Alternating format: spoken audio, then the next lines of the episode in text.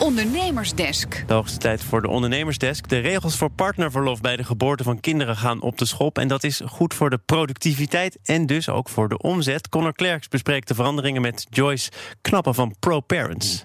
Nou, wat er in juli gaat veranderen is dat uh, dit jaar zijn we al op 1 januari van 2 naar 5 dagen gegaan. Dat is 100% betaald voor vaders, voor partners. Uh, dus het is uitbreiding voor uh, partners en geboorteverlof.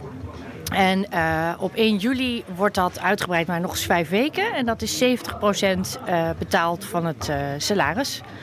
En hoe um, wordt daar tot nu toe gebruik van gemaakt? Heb je daar inzicht in, in de, de regels die dus dit jaar in januari in zijn gegaan? Wat we eigenlijk vooral zien is na de geboorte van uh, het eerste kind... is dat vrouwen met name minder gaan werken en mannen eigenlijk niet. En die blijven eigenlijk vooral ook voort, voltijds werken. Maar wat interessant is, is dat dit is helemaal niet hoe ouders het zouden willen. Dus uh, de meerderheid die zegt namelijk... wij willen eigenlijk een gelijke verdeling van werk en zorg. Dus ook de kans op de arbeidsmarkt, maar ook de kans op solo care met, uh, met de baby of met, met kinderen en het gezin. En dat lukt slechts bij 1 op de 10 stellen.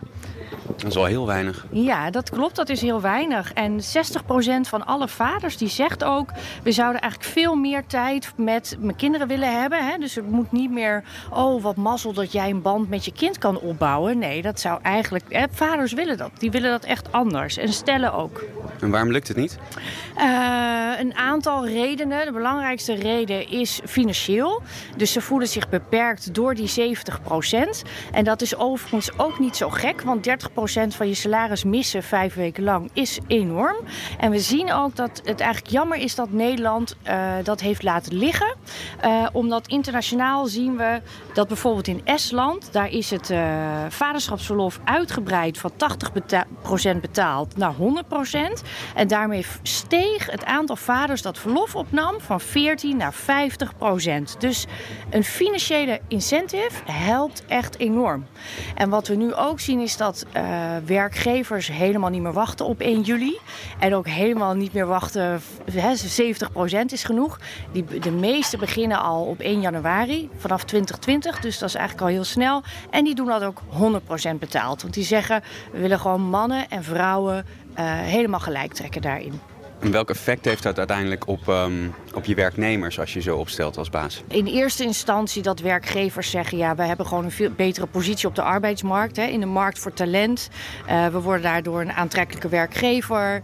Uh, mensen worden ook, gaan minder verzuimen. Hè, want jonge vaders, ja, het is niet alleen de moeders die moe zijn... en uh, moeite hebben met terugkeren. Dat zijn gewoon ook de vaders.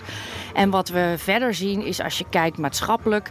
hoe meer tijd vaders hebben om met de baby een band op te bouwen, hoe beter eigenlijk. Dat is een positief effect op de partnerrelatie, het herstelproces van vrouwen na de bevalling en geboorte, maar ook het zelfvertrouwen wat vaders opbouwen met solo care en ook de onboarding terug naar werk van vrouwen. Dus je kan je voorstellen als je als vrouw bevallen bent en je moet na 10 of 12 weken weer beginnen. Het is heel fijn als je dat dan kan verdelen, dat jouw man die periode thuis is, want dan kan je veel makkelijker uh, weer terug gaan wennen op je werk en weer de hele dag in touw of in de auto zitten of dat soort zaken. Wat voor effect heeft het op uh, bijvoorbeeld de productiviteit van je eigen organisatie? Ja, dat is een goede vraag. Uh, veel werkgevers worden een beetje afgeschrikt in eerste instantie van de kosten.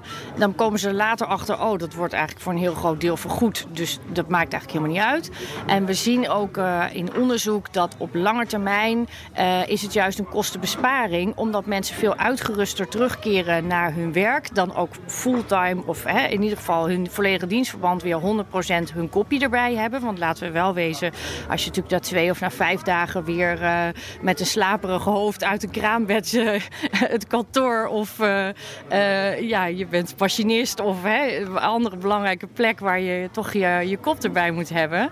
Ja, dan kan je maar beter even helemaal downtime hebben met je gezin. Daar goed aan wennen, een goed nieuw levensritme vinden en dan ook weer fris van start gaan. Dus dat voorkomt ellende op lange termijn.